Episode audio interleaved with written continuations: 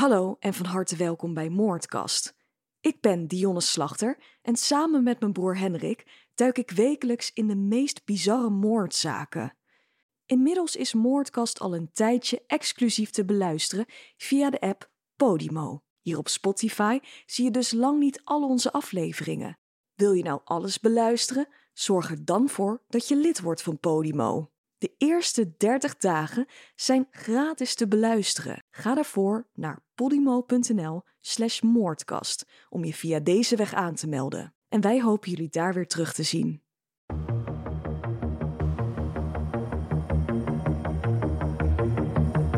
Welkom bij deze nieuwe Moordkast. De podcast waarbij ik je meeneem in verschillende mysterieuze moordzaken. Ik ben Dionne Slachter en samen met mijn broer Hendrik als sidekick duiken we in de waargebeurde misdaad. Vandaag hebben we het over de mysterieuze dood van de Isdal Woman. Haar verbrande lichaam werd gevonden in de bergen van Noorwegen. En tot op de dag van vandaag is niet duidelijk wie ze is. Van harte welkom allemaal bij deze nieuwe aflevering van een nieuwe moordkast. Ik zit hier natuurlijk naast mijn broer Henrik. Hey, Daar zijn we weer. zeker. En vandaag hebben we een hele, hele bijzondere zaak voor jullie uitgewerkt. De zaak van de Isdal Woman. Vooral heel bijzonder omdat die... Ja, er is geen dader. We zijn al meer dan 50 jaar verder en er is nog steeds niks. En het is zelfs niet duidelijk of het überhaupt moord is geweest. Nee, het kan ook nog zelfmoord zijn. Ja, dus het is een, eh, een bijzondere moordkast over een eh, Jane Doe. Ja. Genaamd de Isdal Woman. Ja, zo hebben ze haar genoemd. En dat is eigenlijk de plek waar ze, waar ze is gevonden. In- Ja, de Isdalen. Ja, deze zaak sprak mij echt enorm aan, omdat ik er maar mee bezig bleef. Dit is er eentje die, eh, ja, die echt niet kon rusten in mijn hoofd. Ik wil hem oplossen, maar het kan niet. Ja, jij stuurde hem naar mij en ik eh, eh, ben de ja, bijbehorende podcast van de BBC gaan luisteren. Ja. Death in Ice Valley. Trouwens, Ja. echt een aanrader. Als ja, je, 100% ja, Ja, die moet, die moet je eigenlijk hierna echt even gaan luisteren. Ik zeg even, maar er zijn wel echt... eh, zit, ja, daar zitten heel wat uurtjes in. zes uur aan, eh, aan luistermateriaal. Ja, ja ongeveer. Je, je raakt zo geïnteresseerd hierin. En je wil eigenlijk alles weten. Dus je gaat op internet zoeken naar theorieën. Wat kan er gebeurd zijn? En eigenlijk dat mysterieuze, dat vind ik, vind ik eigenlijk gewoon super interessant. Ja, er zijn ook heel wat mensen die er niet tegen kunnen. Dat er zo weinig bekend is. Dus ik wil jullie wel even waarschuwen. Het is dus een onopgeloste zaak. Het is niet duidelijk wie deze vrouw is. Het is niet duidelijk of het zelfmoord of moord betreft. En als er een dader is, is deze ook niet bekend. Dus het kan een beetje frustrerend aanvoelen. Maar ik zou je echt aanraden te blijven luisteren, want het is zo'n groot mysterie en het is zo aangrijpend. Ja, zeker. Ik heb me hierna ook eh, meteen aangesloten bij de Facebookgroep, hè? Ik ook. Jij ook? Ja. En ja, daar delen mensen hun theorieën. Maar er gaan ook echt mensen op onderzoek uit. Het zijn echt een soort internetregisseurs, zeg maar, geworden. Ja, En die duiken in archieven en die komen met allerlei theorieën. Kan dit het zijn? Kan dat het zijn? En je wordt er echt heel erg in meegesleept. Ik, ik, ja, ik hou daar wel van. ik lees ook regelmatig wat postjes daar. Super interessant allemaal. Heel interessant. En ook soortgelijke zaken die worden benoemd. Dus eh, Ook zeker over, eh, over een stukje historie, hè? nou ja, Wat, absoluut. wat er allemaal speelde rond die tijd. Even een bijzonder feit. Het is vandaag 26 november als deze podcast eh, live gaat. En de vrouw werd gevonden op 29 november. Dus over drie dagen is het 51 jaar geleden dat de Eastall Woman werd gevonden. En nog steeds heet ze de Eastdale Woman. Ja, haar echte naam is inderdaad nooit bekend geworden. Nee, bizar hè? Ik hoop echt dat dat ooit aan het licht komt. Dat is eh, Ja, ja, dat zou echt het mooiste zijn. ja, een oplossing. Is misschien ook wel heel tof voor onze Belgische luisteraars. Omdat België hier toch vaak in, eh, in terugkomt. Het zou een, een Vlaamse vrouw kunnen zijn geweest. Ja, of iemand uit het buitenland die daar woonde misschien. Ja. Maar België komt, eh, komt redelijk vaak terug. Ik ga, ga niet spoilen nog, maar Nee, eigenlijk heel Europa wel, maar België die staat ook wel redelijk centraal in dit verhaal. Dat Zeker. klopt. Volg ons natuurlijk eventjes op de Moordkast Instagram, Moordkast. We zullen ook wat beeldmateriaal delen van deze zaak. Ook bij deze zaak is dat eigenlijk wel heel interessant om dat eventjes te bekijken. En het verhaal over de Eastall Woman heb ik ook verteld in mijn YouTube-format genaamd Misdaad en Make-up. Zoek eventjes op mijn kanaal Onnedy. Het verhaal van vandaag heb ik dus ook verwoord in dat format. Dus ik denk dat we maar heel snel moeten gaan beginnen met het verhaal over de Isdal Woman.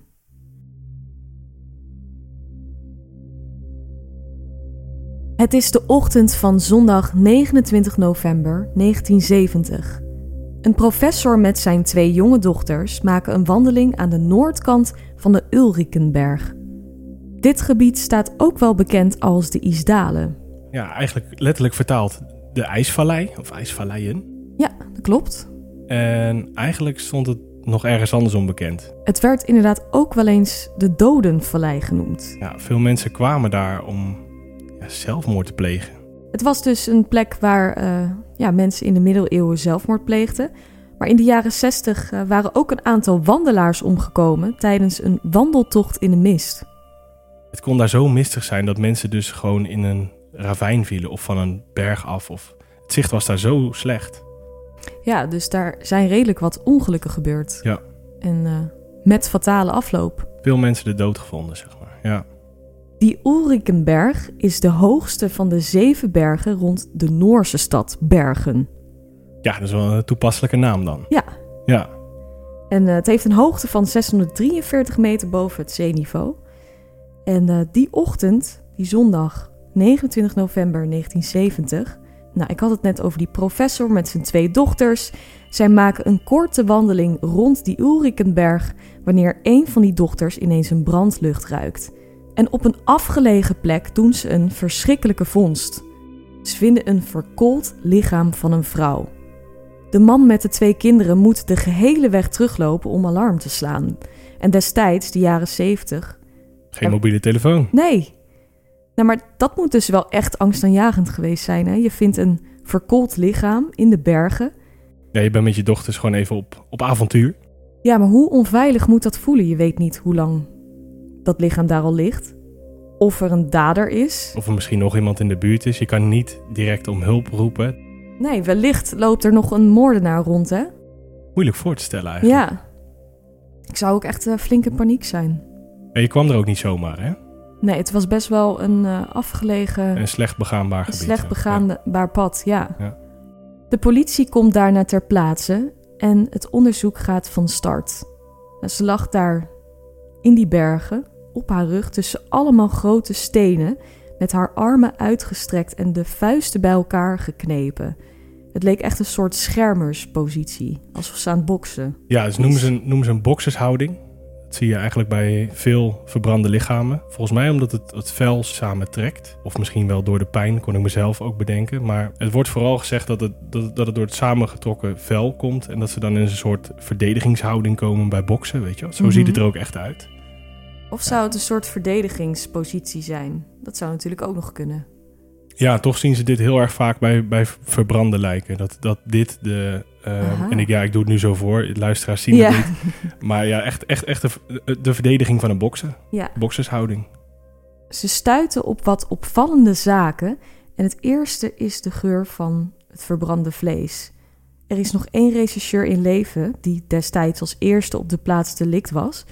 En hij geeft aan dat deze geur nooit meer uit zijn geheugen gaat. Het is uh, ja, zo heftig geweest. Nou, zoals jij net al zei, die plek waar ze lag, dat was ook heel ongewoon. De plaats delict lag aan het einde van een verlaten wandelpad. Het was heel steil en onbegaanbaar. En ze konden al vrijwel meteen aan de kleding van de vrouw zien dat het niet om een gewone wandelaar gaat. Ze was heel koud gekleed. Ja, dat is wel opmerkelijk, hè? want het was daar uh, nou, gigantisch koud. Eind november. Ja. Nog iets opvallend, haar lichaam was alleen van de voorkant verbrand, de achterkant dus helemaal niet. Het leek er zelfs op alsof ze zichzelf had beschermd voor een groot vuur van de voorkant en zichzelf naar achter had laten vallen. Ja, dat is echt maar het is zo, zo vreemd hè, dat ze alleen aan de voorkant verbrand is. Ja. Het zou dus echt een grote steekvlam moeten zijn geweest van voor of, of iets. Ja, moeilijk te zeggen. Er waren amper brandversnellende middelen gevonden. Dus geen, bijna geen sporen van, van benzine of wat dan ook. Helemaal, helemaal niks. Een heel klein spoortje is, is, is daar wel gevonden, maar dat, dat kan niet uh, het, ja, de schade veroorzaker die het veroorzaakt heeft. Nee, het is echt een heel vreemd verhaal. Het gezicht, het haar en de kleding van het slachtoffer is allemaal ernstig verbrand. En hierdoor was ze onherkenbaar. Het was op het eerste gezicht niet eens duidelijk of het hier wel om een vrouw ging. Aan de overblijfselen van haar kleding te zien droeg ze een blauwe pufferjas met ja, van die watten, weet je, zo'n gewatteerde Ja? donkerblauwe pufferjas, Mhm. een sjaal, een donkerblauwe sweater en broek. En alle textiel wat ze droeg was ja, van synthetisch materiaal gemaakt. Ja, dat brandt supersnel. Ja, dat klopt. De politie treft heel wat voorwerpen aan op de plaats waar de vrouw gevonden werd. Het was echt een ravage. En dit ligt allemaal om haar lichaam heen in het gras. Ja, ook een beetje op een vreemde manier geplaatst, alsof het een ritueel was. Het lijkt wel echt geplaatst. Hè? Het lag, Ja. om- lag echt om haar lichaam heen. Ja, En de voorwerpen als een horloge. Ja, het was echt een hele lijst aan spullen. En alles is aangetast door de brand. Ze vinden een kapotte paraplu, sieraden, inderdaad een horloge. En de sieraden en die horloge die droeg ze niet. Dus die, ja, het lag allemaal naast haar lichaam. Vreemd, hè? Ja. Ze vinden ook nog wat vreemde flessen. Twee verbrande, vervormde plastic flesjes met daarin water. En nog een fles liqueur. Het is allemaal een beetje half gesmolten. Verder vinden ze een eh, paspoorthoudertje zonder paspoort. Een wollen trui, een sjaal, nylon kousen, een portemonnee, een luciferdoosje bij haar voeten en rubberen laarzen. En die rubberen laarzen die staan naast haar benen. Of die liggen er een beetje onder gemoffeld, maar ja, ze draagt dus geen schoenen. Ze heeft blote voeten. Ja. Zo'n vreemde plaatsdelict. Ja, zoveel vragen ook. Dat horloge, dat stond ook op tien over tien stil. En het schijnt dat horlogeverkopers het zo in de winkel leggen. Ja, zoiets heb ik ook gelezen. Dus ze heeft het nooit laten lopen of zo. Het lijkt, het lijkt alsof die gewoon ne- net gekocht is en daar eh, neergelegd is. Ja. Rond het lichaam waren nog sporen van verbrand papier. En onder het lichaam lag een bondmuts met daarop wat sporen van benzine. Maar het ging hier echt slechts om een druppeltje. ja, dat kon nooit de, de oorzaak zijn.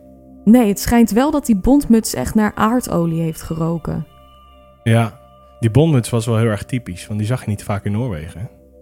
Nee, dat klopt. Het, is, het was niet de stijl op dat moment eh, die ze daar droegen. Nee, die zag je echt meer in het, eh, ja, toch, toch meer in het Oostblok. Beetje Rusland, beetje Polen. Dat was, dat was daar meer mode. Kazachstan misschien. En dan nog een groot mysterie. Alle labels van de items op de plaatsdelict waren verwijderd. De etiketten van de flessen op de bodem zijn eraf geschaafd. Labels van kleding zijn er allemaal uitgeknipt. Er ligt niks op de plaatsdelict wat kan wijzen op de identiteit van deze vrouw. Alles wat ook maar naar de identiteit van haar kon leiden, is weggehaald en verwijderd. En tot op de dag van vandaag staat zij bekend als de Isdal Woman. Bij de politie bekend als zaaknummer 134-70. Het is meteen duidelijk dat deze zaak niet makkelijk naar een oplossing zal leiden. Nou, dan vindt er een autopsie plaats en het lichaam van de vrouw wordt onderzocht. En ze vinden dan een grote blauwe plek aan de achterkant van haar nek, die het gevolg moet zijn van een klap of val. Nou, dat zou misschien de klap op de stenen kunnen zijn geweest. Ja, zou kunnen. Weet je niet, hè? Nu al beginnen alle radertjes in je hoofd te draaien van... hè, die, die gaat toch niet eerst al de spullen neerleggen, de laarzen uittrekken...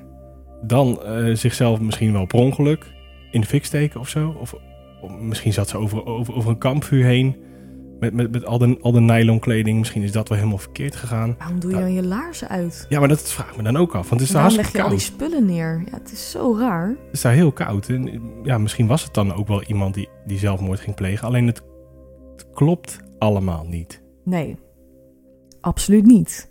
Bij die autopsie vinden ze rookdeeltjes in de longen. En daaruit blijkt dat ze levend moet zijn verbrand. Anders kan ze nooit het rook hebben ingeademd. Dus ja, haar dood moet echt een extreem pijnlijke geweest zijn. Ze had een hoge concentratie koolmonoxide in haar bloed. Nou, dit is natuurlijk de stof die ontstaat bij brand. Ja, door het inademen van de rook. Ja, Ja, En in haar maag vinden ze 50 tot 70 slaappillen van het merk Venemal. Ja. En eh, een deel van de pillen zit nog in haar mond. Nou, de, de pillen in haar maag die waren nog niet volledig verteerd en in haar bloed opgenomen voordat ze stierf. Het is ook echt niet de doodsoorzaak. Nou, het schijnt een combinatie geweest te zijn, maar die doodsoorzaak is heel lastig vast te stellen. In haar mond zaten ook heel wat van die pillen, alsof het geforceerd is. Ja, dat denk ik dus ook. Alles hieraan is zo ontzettend vreemd. Het is heel vreemd. Dan, dan, dan ben je al die pillen aan het slikken. En op dat moment vlieg je ineens in de brand. Ja, Brand je alleen van de voorkant. De achterkant was nog best wel intact. Kleding was nog helemaal intact. Aan de achterkant. En dan stik je in die rook. ja of dan zet je jezelf in de fik. Vind ik ook wel een hele vreemde manier om zelfmoord te plegen. Ja. Ja, zeg nooit nooit, maar Ja, zel- zelfmoord was bij mij best wel snel van tafel. Ja. Eh, in mijn gedachten. Ik ben, ik ben trouwens helemaal geen... Ik ben geen regisseur, ik ben geen politie. Maar dit, dit klinkt... niet als een zelfmoord. Nee, Nee. dat vind ik ook. Ja. Of de gekste die we ooit hebben gehoord misschien. Ja, ja zeker. Ja, maar ook gewoon zo ontzettend vreemd. Al die labeltjes, haar hele ident- identiteit. Die klap in de nek. Ja, ja het is gewoon, gewoon echt Mysterieus. mysterieus. De vrouw zou verder gezond moeten zijn geweest en ging kinderloos door het leven. Ze konden in ieder geval vaststellen dat ze nog nooit zwanger is geweest of een kind heeft gebaard. En daarbij had ze ook nog een kenmerkend gebit. Veertien van haar tanden waren gevuld en ze had verschillende gouden kronen. Nou, dit soort tandheelkunde, dat werd niet vaak in Noorwegen gezien. Nee. Nee, dit eigenlijk bijna niet. Nee. Goud werd meer gebruikt in Duitsland en het Rusland. werd ook in het Oostblok inderdaad Ja. vaak toegepast en in het Midden-Oosten. Ook vaak om de reden... We zitten natuurlijk rond de Koude Oorlog. En heel veel mensen... Ik weet niet precies of dat rond die tijd was. Maar er is dus tijd geweest dat, dat er van mensen heel veel bezittingen af werd genomen. Maar de tanden, die konden niet afgenomen worden. Dus heel veel mensen verkochten van alles. En die lieten dan het goud in hun tand plaatsen. Of in, in hun mond plaatsen, moet ik zeggen. Oh, Ja, om, om daar de waarde maar te halen. Want je tanden gingen ze niet trekken. oké. Dus dat was dan vaak ook een, Oh, wat grappig. een optie om ja, toch nog je, je, je waarde of je ja, soort crypto van nu, zeg maar. Ja, Ja, wat grappig. Nou, het laatste wat opvallend was aan haar gebit was het spleetje in haar voortanden. Dat moet heel herkenbaar zijn geweest. Nou, Haar uiteindelijke doodsoorzaak is waarschijnlijk de combinatie van de koolmonoxidevergiftiging en de slaappillen. Waarschijnlijk omdat het dus niet 100% zeker is. Ze kunnen bijvoorbeeld niet vaststellen of haar brandwonde in relatie staat met ja, de doodsoorzaak. En het wordt eigenlijk meteen afgedaan als een zelfmoord. vrij snel. En dit wat is eigenlijk gewoon moeilijk te geloven, daar blijf ik bij. Ja, Het tijdstip van overlijden, dat valt ook niet vast te stellen. Ze weten niet hoe lang ze daar gelegen heeft voordat ze gevonden werd. Nou, het nieuws van de vondst van de vrouw verspreidt zich als een lopend vuurtje in Bergen. En de politie doet een oproep aan mogelijke ooggetuigen. Ze denken dat de vrouw 1,64 lang was. Ze had een slank postuur met wat bredere heupen. En ze had lang bruin-zwart haar en een klein rond gezicht met bruine ogen en kleine oren. Ze schatte haar leeftijd tussen de 25 en 40 jaar oud en droeg haar haar op het moment van overlijden in een staart, vastgebonden met een blauw-wit lintje. deze uiterlijke kenmerken klinkt niet echt Noors, hè? Nee, zeker niet. Nee, rond gezicht, bruine ogen. Donker haar. Als ik aan een Noor denk, dan denk ik iemand met blond haar, blauwe ogen. Ja, zeker. Hè? Ja. Ja, het, het waren ook nog andere tijden. hè. Ja, maar ook in combinatie met die muts dacht ik van, nou, dit... Ja, daar komen we zo nog op terug. mhm. Drie dagen na de vondst van het lichaam krijgt de politie melding van de bagageafdeling van het treinstation van Bergen. Daar stonden twee koffers die maar niet werden geclaimd. Werden niet opgehaald. Die zijn er ingecheckt op 23 november, zes dagen voor de vondst van haar lichaam.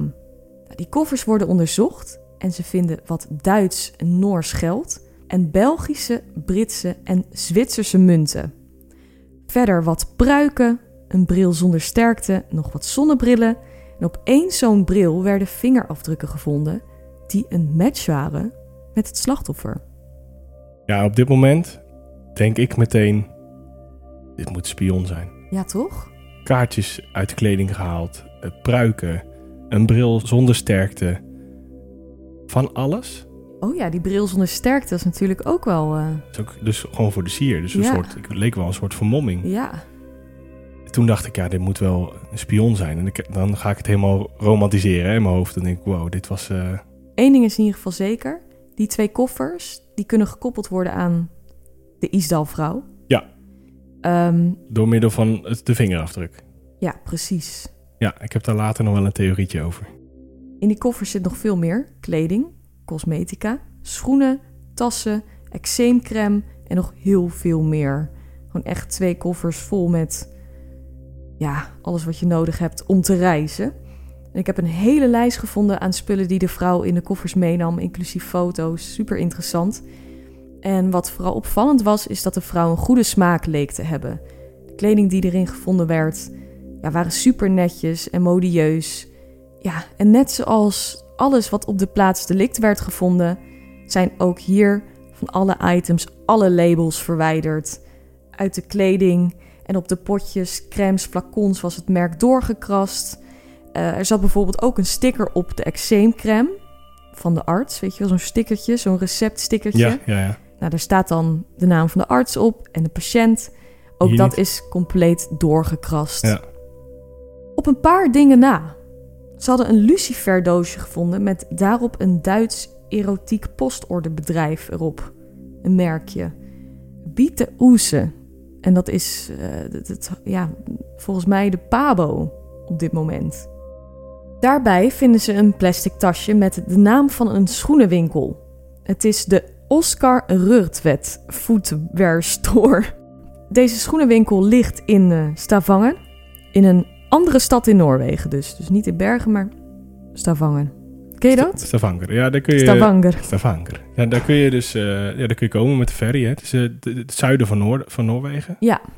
Ja, dat is tussen Bergen en Stavanger moet je dus een, een pontje pakken. Nou, dat plastic tasje hebben ze dus gevonden. En ze vinden ook heel wat notitieboekjes met allemaal codes. Of althans, het lijken codes. Notities in een gecodeerde taal.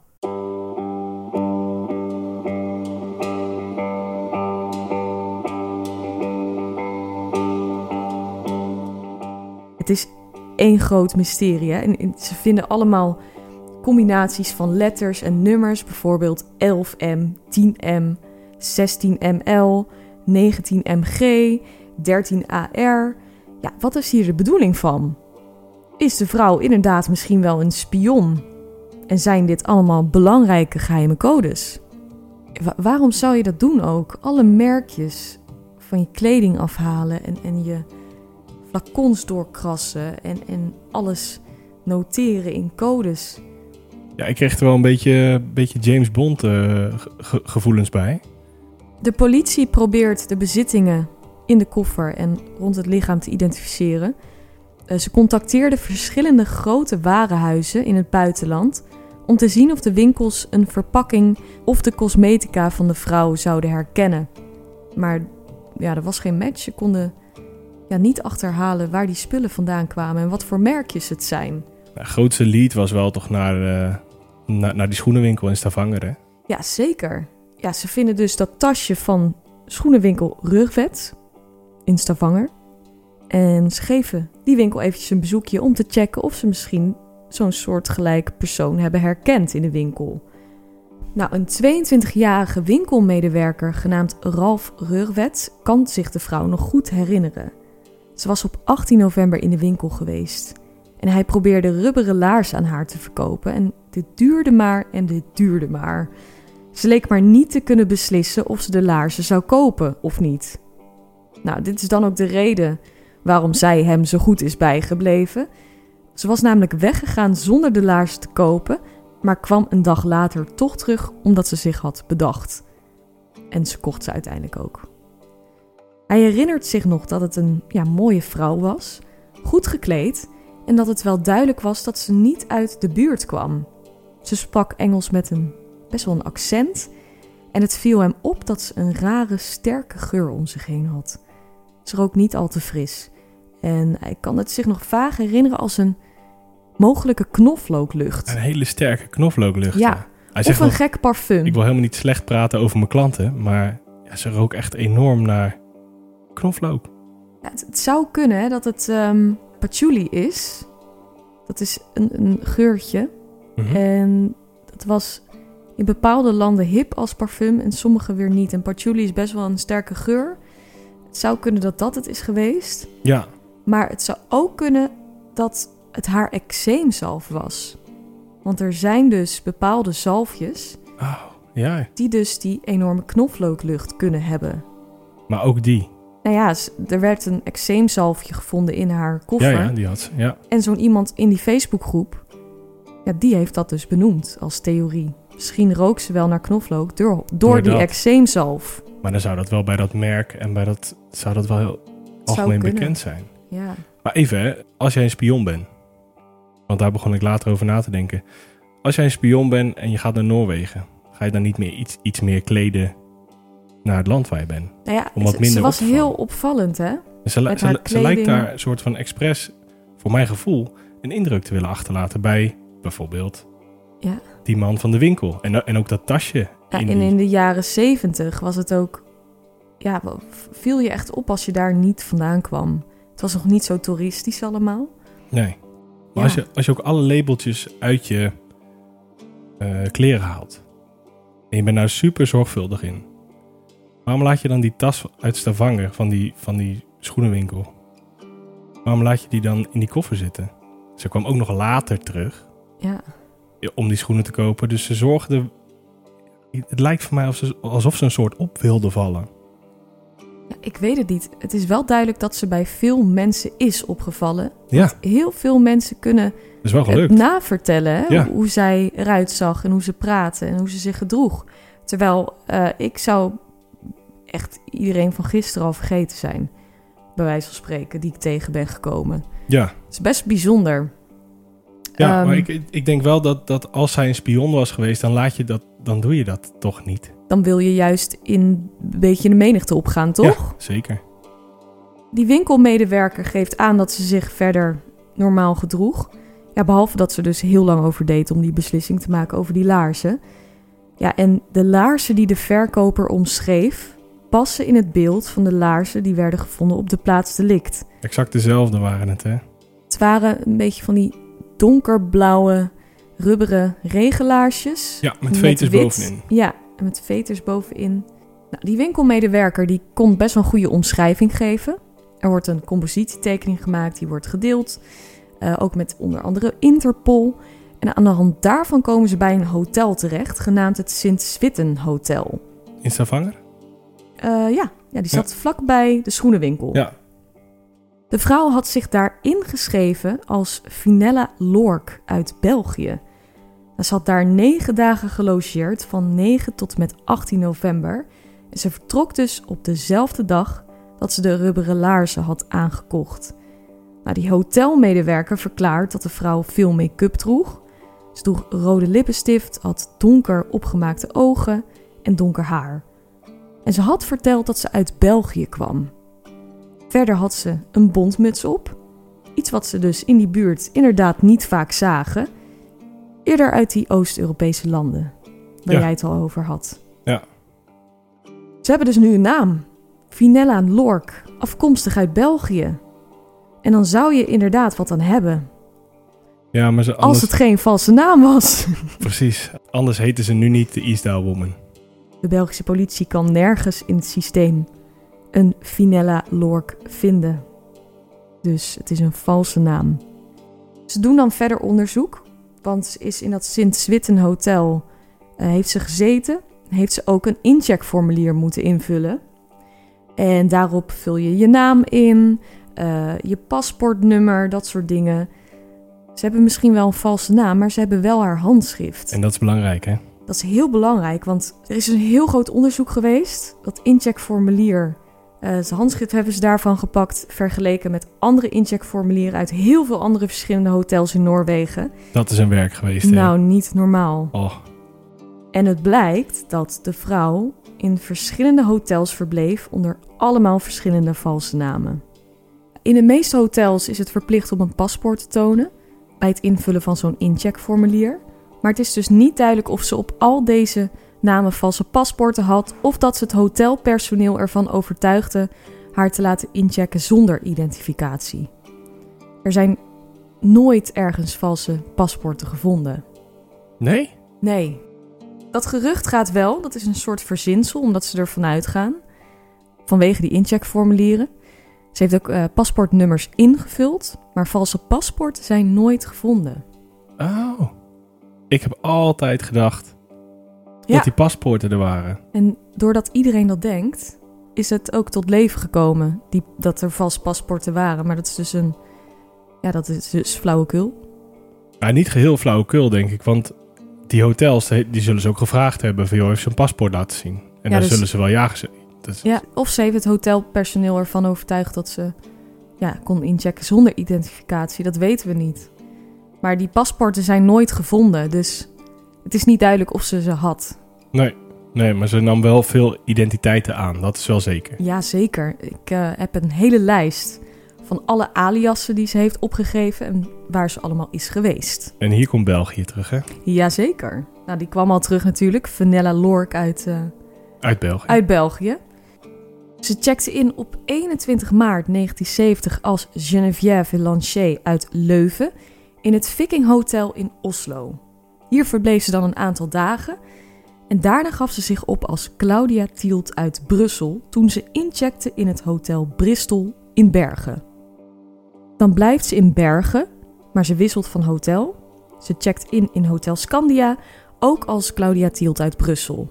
Dus dat is weer dezelfde alias. Waarom zou je in dezelfde stad van hotel veranderen? Ja, dat snap ik ook niet. Dus eind maart verbleef ze in Noorwegen in drie verschillende hotels onder twee verschillende namen. Hierna is ze een tijdje uit het land geweest om vervolgens in oktober met herfst weer terug te keren. In een tijdspanne van ongeveer een maand verblijft ze in zes verschillende hotels onder zes valse namen.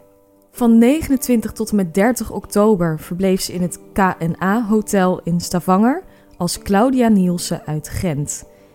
Ze verbleef van 30 oktober tot 5 november in het Neptun Hotel in Bergen als Alexia Zarne Mertjes uit Ljubljana. Ja. En dat is de hoofdstad van Slovenië. Dan vervolgens van 6 tot 8 november in Hotel Bristol in Trondheim als Vera Jarle uit Antwerpen. Dan gaat ze door naar Stavanger in het Sint-Zwitten Hotel, waar we het al eerder over hadden. En daar verblijft ze van 9 tot 18 november als Vanella Lork.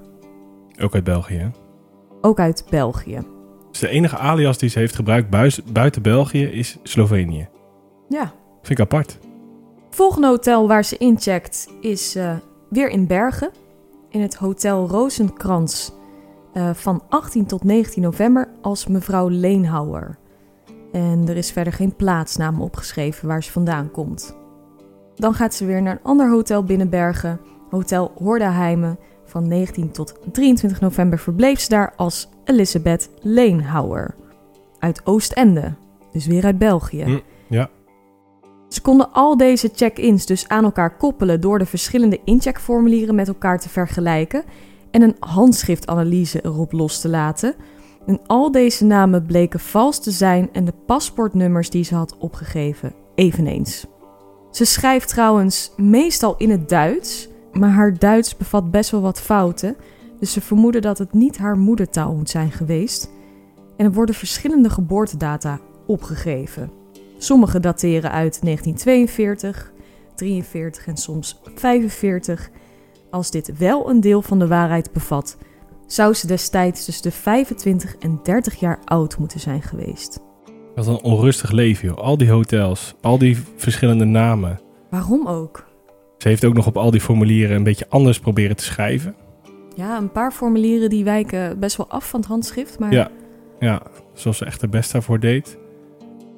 Maar waarom, waarom moet je in verschillende hotels in dezelfde stad gaan zitten? Ik kan me daar niet zoveel bij voorstellen. Nee. Ik dacht, ben je een soort uh, hoteltester of zo, lijkt het wel. Nou ja, inderdaad. Echt om de paar dagen wisselt ze dan weer van hotel. Ook al Ja. is het in hetzelfde, hetzelfde plaatje, het is toch vreemd. Ja. Op zo'n incheckformulier geef je ook aan waarom je het land bezoekt. En daar geeft ze ook telkens weer wat anders aan. Ze zou handelen in antiek. Ze zou gewoon een toerist zijn. En handelen in goederen. Er valt soms geen touw aan vast te knopen. Handelsverkeer. Hè? Ja, dat ze, ook. De politie ondervraagt vervolgens het hotelpersoneel in de hoop meer info van de vrouw te kunnen achterhalen. Zo beschrijft een 21-jarige serveerster werkzaam in het Neptune Hotel dat de vrouw nogal indruk op haar had gemaakt. Ze verklaart het volgende. Ik citeer. Ze gaf mij een indruk dat ze elegant was en zelfverzekerd. Ze zag er zo modieus uit. Ik wilde er ook zo uitzien. Ik herinnerde me zelfs dat ze naar me knipoogde.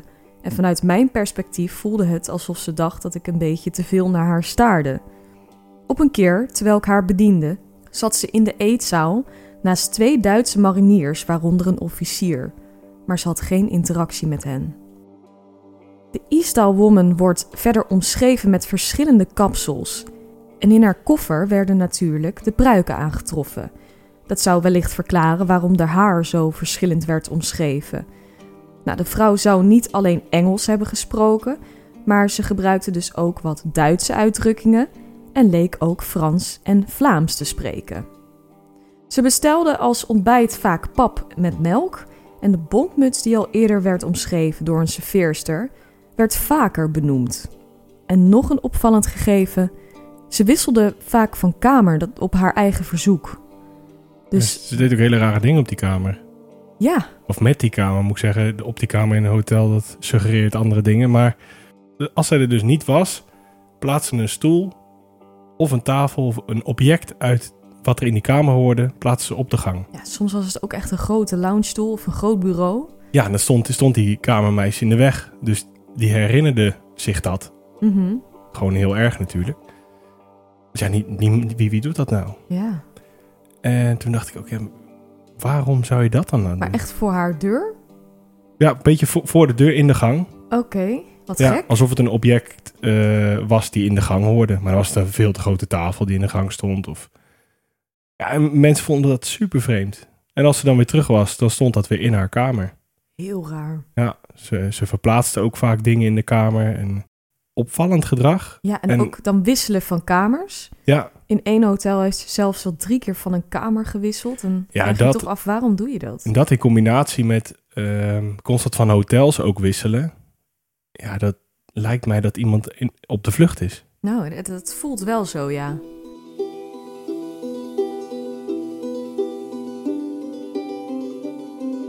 Het laatste hotel waar ze in en uit checkt is het Hordeheimen Hotel in Bergen, waar ze verbleef van 19 tot en met 23 november. Ze checkt uit, zes dagen voordat haar lichaam werd ontdekt, en ze betaalt haar verblijf met cashgeld en pakt vaak een taxi. Wat er tussen deze zes dagen is gebeurd blijft onbekend. In ieder geval heeft ze haar bagage ingecheckt op het station van Bergen. Hoe is ze uiteindelijk terechtgekomen in de Isdalen? Wat deed deze vrouw sowieso in haar eentje in Noorwegen? Waarom had ze amper contact met mensen? Het is duidelijk dat ze geen Noorse afkomst had, dus ze is constant op reis en had redelijk wat geld. Hoe kun je anders telkens taxis en hotels betalen? Dat was voor die tijd was dat eh, sowieso ook heel erg opvallend. Ook voor de hotelmedewerkers. Ehm, een vrouw alleen op reis in die tijd zag je niet veel. Vrouwen met veel geld in die tijd zag je niet veel. Het waren vooral mannen die veel geld hadden eh, en die alleen reisden. Maar een vrouw was toch wel vrij exceptioneel. Ja. Nou, daar heb ik wel een beeld bij, ja. Ja, er waren in die tijd ook niet veel toeristen in Bergen. Dus is ze daar voor bepaalde werkzaamheden? Dat kan toch bijna niet anders. We kijken even naar wat opties. Ze kan een spion geweest zijn, een sekswerker of bijvoorbeeld een reizende verkoopster. Er waren in die tijd wel degelijk veel spionnen actief in Noorwegen in verband met de Koude Oorlog. Met name Russische spionnen, dus misschien was ze wel een geheimagent of Sovjet-spion. Dat vond ik heel aannemelijk in het begin. Maar nu ik er langer over nadenk, ze is bij iedereen opgevallen. Ja, Wat wil een spion niet? opvallen. Ja, In de tijd dat de vrouw in Noorwegen rondreisde, werden verschillende raketsystemen getest. Op de momenten dat deze testen werden uitgevoerd, was zij precies in die buurt. Dit rijmde ook exact met waar ze op dat moment in welke stad was en in welk hotel. Stavanger, Bergen. Het is echter niet te bewijzen dat deze rapportages echt kloppen. Dus het kan ook niet echt meetellen in het bewijs. Ze weten Nee. niet zeker of die raketoefeningen echt op die data plaatsvonden. ze is daar, ze is daar gezien hè, door vissermannen of ehm, ja, no- noem het maar. Maar dat is dus heel moeilijk te verifiëren of dat echt daadwerkelijk op die datum was. Bij elke militaire operatie, alles waar, ja, overal waar iets militairs getest werd, daar, daar zag je wel gewoon wel spionnen. Zeker in de, in de Koude Oorlog. En hoe zit het eigenlijk met dat codeschriftje wat ze vonden in haar bagage? En die gekke codes waar we het eerst over hadden, daar wordt een duidelijk patroon in gevonden. Dit lijken wel notities te zijn waar ze haar verblijven in vastlegde. Ja, het is wel best wel duidelijk hoor. Ja. Het zijn cijfers met letters wat lijken op data, maar dan wat anders beschreven zoals je gewend bent. Het valt dan ook te combineren met de incheckformulieren van die hotels. Ja. Bijvoorbeeld stond er 20-23M spatie O. En dat zou kunnen duiden op 20 tot 23 maart. En de In O Oslo. zou staan voor Oslo. Ja, ja. Ja. ja. zo, zo eh, las ik hem eigenlijk zelf ook. Ja, dan heb je 030 BN5. Komt weer overeen met haar verblijf in Bergen. Van 30 oktober tot 5 november. Dit mysterie wordt vrij snel opgelost. Ja. Het lijkt er dus op alsof ze bijhield waar ze was en wanneer. En aan de hand daarvan ontdekken ze dat de Isdal Woman mogelijk ook verbleef in Parijs. Daar vinden ze ook een registratie, geschreven met haar handschrift, onder de naam Vera Sloshnek. Er staan echter ook wat codes op die wat minder makkelijk te kraken zijn. Hier komt de recherche niet uit en de briefjes bewijzen niet dat ze een spion zou zijn. Ik zou zeggen, kijk eventjes op onze moordkast Instagram. Eh, daar zijn nog heel wat codes te vinden die niet gekraakt zijn. Misschien zit er wel een luisteraar tussen die, eh, die zou kunnen weten waar dit op kan duiden. Misschien kunnen we met z'n allen over theorieën nadenken. Ja, ik zelf heb dat eh, eigenlijk ook al gedaan. Ik heb een kleine post geplaatst op de, op de Facebookgroep. Mhm. En dat gaat ook over dit briefje. Omdat er eh, ja, voor mijn gevoel drie maanden mist.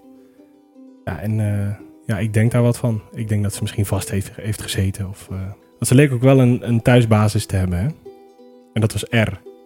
Heel veel mensen linken dat aan Rome. Ja, ze denken dat ze uit Rome komt. Haar kleding scheen ook eh, van een Italiaans designer te zijn. Of Italiaanse stijl te hebben. Ja, Rome was in die tijd wel ook de, de place to be. Hè? Alles gebeurde daar op het gebied van mode, geld. eh, het was, daar wilde je zijn. Ja, en in 2005 komt er uiteindelijk een getuige naar voren. En dan denk je, 2005? Dat heeft lang geduurd. Ten tijde van de dood van de Isdal Woman was deze getuige 26 jaar. Hij beweert de vrouw gezien te hebben toen hij laat in de middag een wandeling zou hebben gemaakt door de IJsvallei. Hij ziet op het pad een vrouw lopen en het is duidelijk een buitenlandse vrouw. Ze komt niet uit Noorwegen. Ze was niet gekleed naar het weer, maar meer alsof ze klaar is om het nachtleven te verkennen. Vlak achter haar lopen twee mannen met ook een buitenlands uiterlijk. Zij lijken meer een Zuid-Europese afkomst te hebben en de vrouw is duidelijk niet op haar gemak. Ze lijkt doodsbang te zijn voor de mannen die vlak achter de vrouw aanlopen. Ze dragen lange zwarte jassen en het groepje van drie loopt langs de ooggetuigen en het lijkt er nog even op alsof de vrouw iets aan hem kwijt wil, maar toch besluit ze haar mond te houden. De twee mannen en de vrouw lopen verder door en verdwijnen uit het zicht van de ooggetuigen. Ze lopen wel echt een stuk van elkaar af, hè? 20 Ja. meter tussen. Ja, Ze verdwijnen dus uit het zicht van de ooggetuigen. Hij had de vrouw herkend op de compositietekening en had het destijds wel aan een vriend van hem verteld die destijds een politieagent was. Maar die zei tegen hem: joh, eh, dit is niet de zaak van de politie van Bergen. Het is een internationale zaak en deze wordt toch nooit opgelost, dus bemoei je er maar niet mee. nou, ik denk ook vooral dat de datum dat hij haar tegenkwam, op die plek niet overeenkwam met de datum waar ze gevonden was. Dat klopt, ja. Hij beweert alleen haar op een zondagmiddag te hebben gezien, maar werd op een zondagochtend gevonden. De maandag voor de vondst van het lichaam werd ze nog in leven gezien, dus het rijmt niet helemaal met elkaar. Nee. Dus, maar goed, het zou nog kunnen zijn dat ze het wel is geweest. Ja, dat zeker. Maar dat ze dus later om het leven is gekomen. Ja, dat ze dat misschien dus gedaan hebben omdat ze hem zijn tegengekomen. Omdat hij daar liep Ja, en wellicht een getuige zou kunnen zijn. Ja. Vind ik toch wel gek dat je dan dezelfde plek weer pakt. Wat ook wel raar is, is dat de politieagent tegen die man zegt... Hé, hey, ehm, Daar kunnen we toch niks mee. doe maar niet. Het is Ja. internationaal en eh, eh, moeilijk. De geheime dienst van Noorwegen was ook heel snel betrokken bij deze zaken. Hè? Ja. En het is ook heel snel afgewimpeld als een zelfmoord. Of afgedaan als een zelfmoord, moet ik zeggen. En dan dit verhaal erbij. Ik vind het heel vreemd. Je krijgt alleen maar vragen. Was dit, is dit doofpot? Ja, het zou Eh, ook nog kunnen. Was het, de geheime, was het inderdaad de geheime dienst van Noorwegen? Was ze, was ze crimineel? Was ze sekswerker? Was ze... Ja, ik ging me ook nog afvragen. Ik, had, ik las ook nog een theorie dat ze misschien wel heel veel st- stal. Dus eh, een soort winkeldief was. En dat alles wat ze had gejat, dat ze daar de labeltjes van verwijderde. Daar heb Ja. ik ook nog aan gedacht. Ja, dat kan wel. Daar zou je ook wel een beetje vermommingen voor nodig hebben misschien. Ja, maar ik denk als jij gaat ding- dingen gaat stelen in Bergen, dat je niet een hotel in dezelfde stad neemt. Dat vind ik dan weer raar. En misschien was ze ook wel betrokken bij kunstroof of kunsthandel. Of, er zijn zo ontzettend veel mogelijkheden. Misschien is ze wel gevlucht, was ze, was ze vrouw van een maffiabaas. Ze gaan haar DNA dan onderzoeken. Hè? Daar komen nog wel wat interessante dingen uit. Eh, dit hebben ze gelukkig opgeslagen. Ze hebben allemaal weefselmonsters genomen van haar organen. En die zijn al die tijd bewaard gebleven.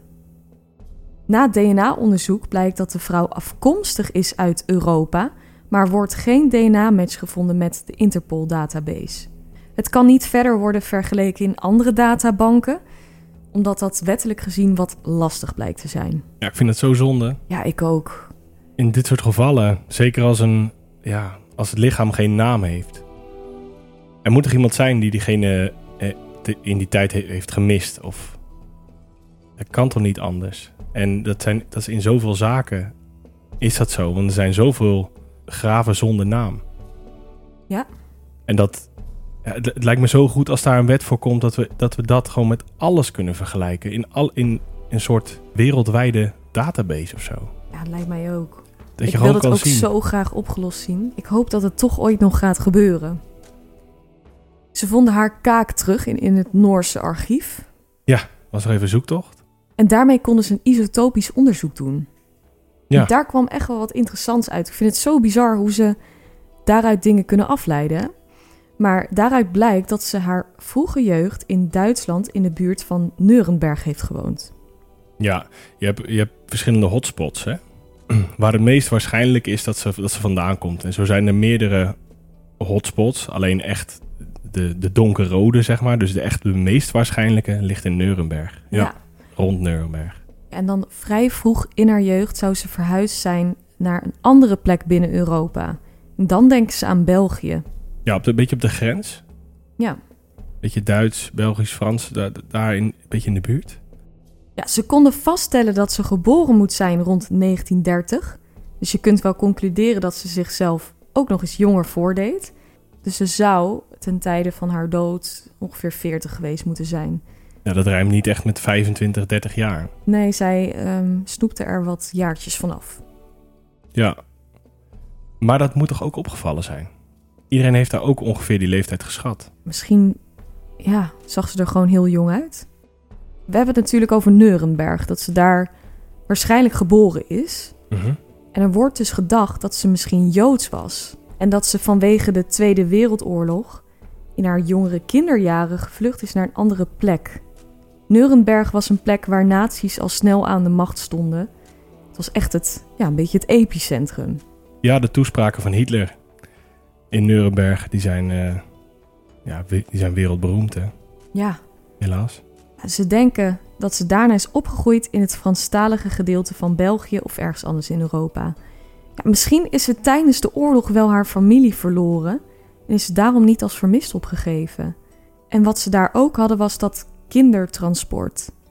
Dat ouders hun kinderen op transport zetten om ze uiteindelijk toch een beter leven te, te geven. Ja, In verband met de oorlog. en die gingen dan vaak naar Verenigd Koninkrijk, Ja, mij. nou, ze zouden ook naar België kunnen zijn gegaan. Oké, ja. Maar ja, wie weet is ze wel zonder ouders opgegroeid en hebben die ouders de oorlog wel niet Er overleefd. zijn dus gewoon ouders die hun kinderen op de trein hebben gezet in die tijd, om ze vervolgens gewoon nooit meer terug te zien. Nou, En soms ook met het plan van we zien je over drie jaar ongeveer. Dat is heftig, hè? nou. Ja, Zo. echt, dat kan ik me echt geen voorstelling Nee. meer maken. Nee, gelukkig niet. Ja, dan zijn we eigenlijk aan het eind van het verhaal. Maar er zijn heel veel verschillende theorieën. Hoe zit het bijvoorbeeld met zelfmoord? Haar doodsoorzaak was het innemen van de pillen in combinatie met koolmonoxidevergiftiging, waarschijnlijk. Ze werd levend verbrand en een deel van de pillen zat nog in haar mond. Zijn die wellicht gedwongen aan de vrouw gevoerd? Of heeft ze zichzelf van het leven willen beroven? Jezelf in de brand steken is geen logische manier om zelfmoord te plegen, maar het zou natuurlijk kunnen. En waarom zo'n onlogische plek? Zo afgelegen. De plek lag ongeveer anderhalf uur lopen vanaf Bergen.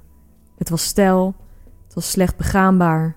Ja, dat is onwaarschijnlijk. Ja, het bewijs lijkt toch meer te neigen naar misdrijf. Ja, de zelfmoordtheorie is niet de theorie waar ik me in ieder geval in kan vinden. Ik heb niet het gevoel alsof we daarmee op een goed spoor zitten. Nee, ik denk ook als je daar in die, in die, hoge, in die hoge bergen bent, in bergen, en je wil zelfmoord plegen, dan spring je toch gewoon ergens vanaf. Dan maak je het toch niet zo moeilijk. Ja, of, of op je hotelkamer. Ja, hoe de brand werd aangestoken blijft een mysterie. Ze droeg bij het overlijden redelijk wat synthetische kleding die makkelijk vlam hadden kunnen vatten. Ja, ze droeg die donkere pufferjas. Het is gewoon zo raar omdat het echt een heel kort intens vuur moet zijn geweest. Ja, een heel heftige oppervlaktebrand. Ja, sommigen zeggen dat- dat ze misschien een bus haarspray bij zich had. Dat die ontploft moet zijn, maar... Ja, sorry. Ja, Dan moet zo'n grote bus zijn geweest.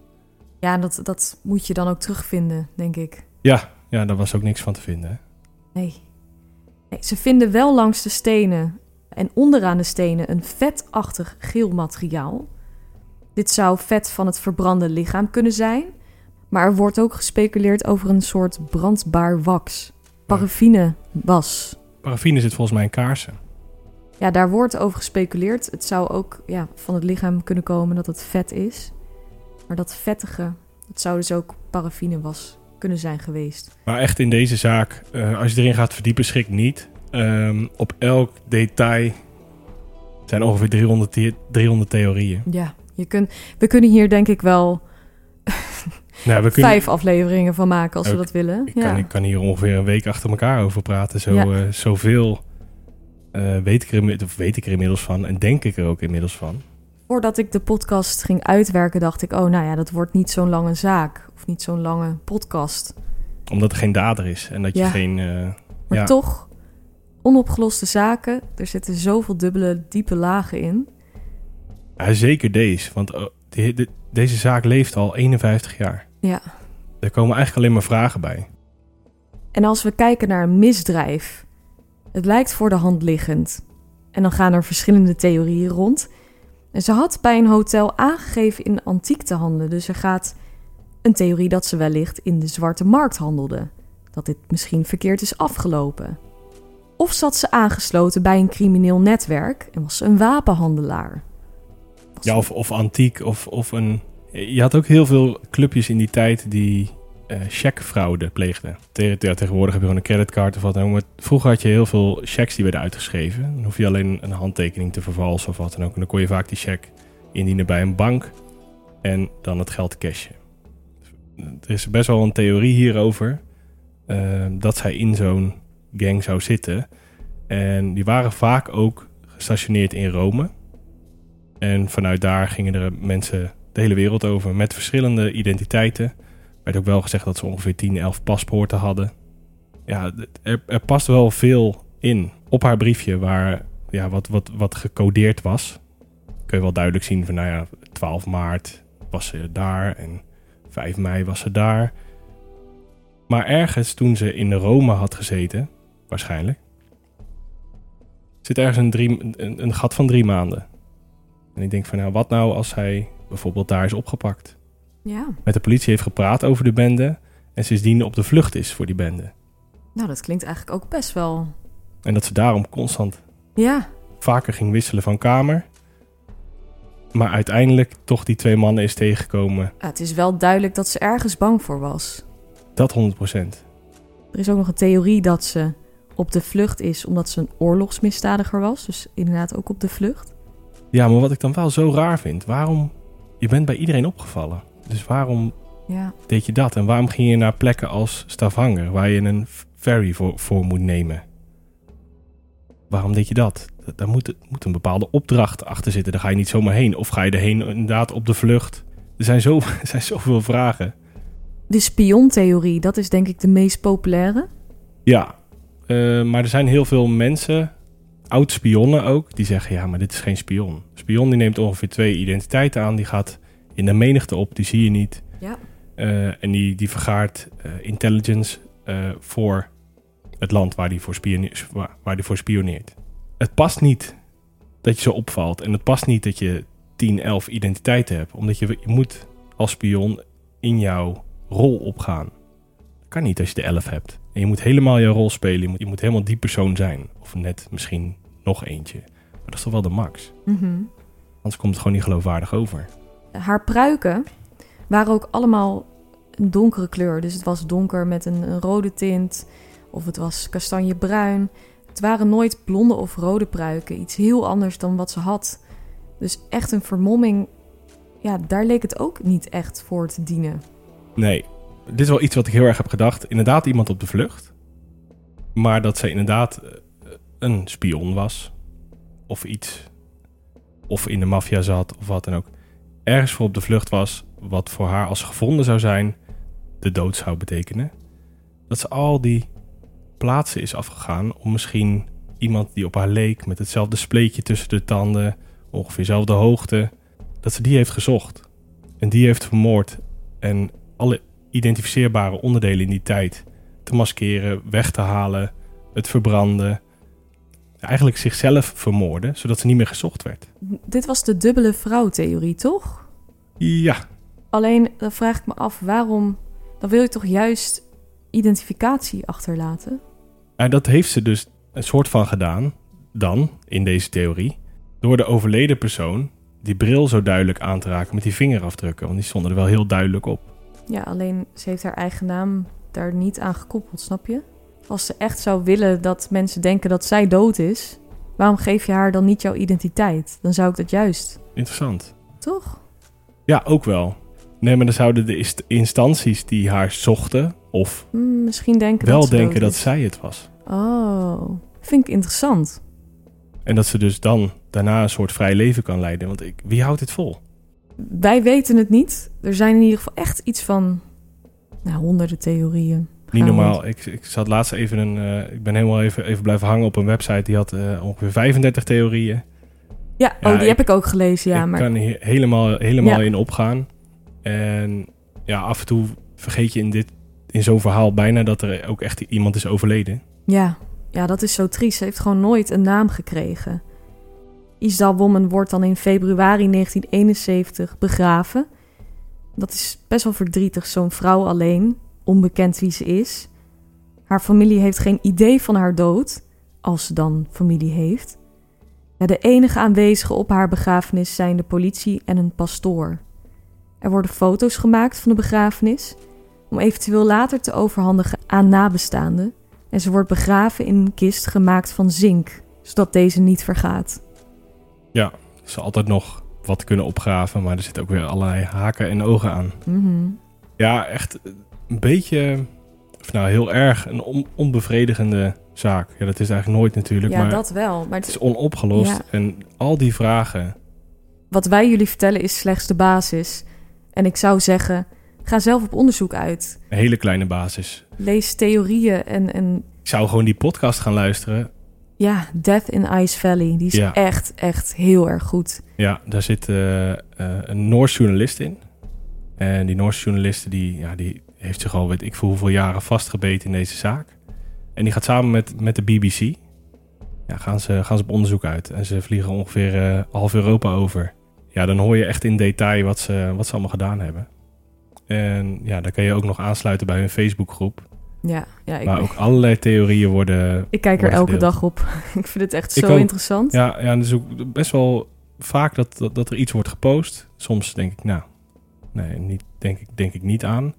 Maar soms denk ik ook, ja, Soms geven mensen ook echt namen en foto's van vrouwen waar, waar ze op vinden dat zij erop lijkt. ja. Nou, er zijn Eh. echt tal van verhalen die helemaal slaan op de Woman. Ja, bijna iedereen die aan deze zaak werkt is dood, hè? Dat is ook een gek idee. Ja, ja, die kunnen ze ook vaak niet meer terughalen. Die ene regisseur inderdaad. Wat ook wel frappant was, is dat die man eh, zich een soort haardvuur herinnerde. Toen hij bij het lijk aankwam. En er staat helemaal niks van in de politiedossiers. Ja, een soort kampvuur, hè? Maar er staat heel veel niet in de politiedossiers. Ja. Van wat mensen vertellen. En er is ook heel vaak niet doorgepakt. Dus ook bij de politie, er, lijkt ook voor, voor Noorwegen en die, de, de Secret Service, zeg maar, die, die van Noorwegen is daarbij geweest. Het, dat stinkt ook allemaal een beetje aan alle kanten. En dat Mhm. klopt niet. Veel Ja. informatie weggelaten, getuigen niet gehoord. Vreemd. Ja. Ja. het is een heel vreemd verhaal. Ik, ik hoop oprecht dat deze ooit opgelost wordt. Want deze, ja, deze blijft in mijn hoofd spoken. ja. Ik ben er echt eh, veel mee bezig geweest. Ja, maar we moeten ook, want eh, het is een enorm verhaal. Ja, En als je, als je erover wil vertellen, dan ben je wel even nou, minimaal 20 uur Ja. verder, denk ik. dat denk ik ook. Ja. Nou, we zijn natuurlijk heel benieuwd wat jullie van dit verhaal vonden. Ja, vooral bij deze is het denk ik belangrijk dat, eh, dat we onze theorieën erop loslaten. Want meer hebben we eigenlijk niet. Ja, en dat is zo interessant. Dat je, dat je eigenlijk in zo'n zaak wel je fantasie de vrije loop kan laten. En wie weet zit de oplossing daar wel tussen. We Ja. weten het niet. Ja. Dus eh, ja, ga naar onze Instagram, Moordkast. Er staan wat foto's van haar notities. eh, ja, van de spullen van de Isdal Woman. Haar compositietekeningen. Dus ga checken en ehm, ja, laat ons weten of jij misschien ideeën hebt over wat deze vrouw daar in Bergen deed. En wie zij is, wie ze zou kunnen zijn. Ja, en als dit je nou heel erg bevallen is, ja, toch de vraag, moeten we vaker dit soort mysteries doen? Ja, toch Jane en John Doe's. eh, Ja, ik heb, ik heb er namelijk nog eentje die, eh, ja, die ik heel graag wil bespreken. Want die, ja, ik vond in ieder geval echt wel even wat anders. Uitstapje. Even een heel ander soort onderzoek wat we hebben gedaan. En dit, eh ja en maar dit, zuigt je dit, wel helemaal op, hè? ja, dit houdt ook niet op. Ja. Ik, ik, ja, toch 's ochtends eh, even kijken of 's avonds is, is nog iets gepost. Of, ja, je hoopt ook dat je zelf iets kan doen. Ja, en we raden jullie allemaal die podcast aan. Death in Ice Valley. Ik zou het echt eh, gaan luisteren, want dan kom je nog veel meer te weten. En dan, En dan begint het pas, denk ik. dan begint het pas echt. Ja.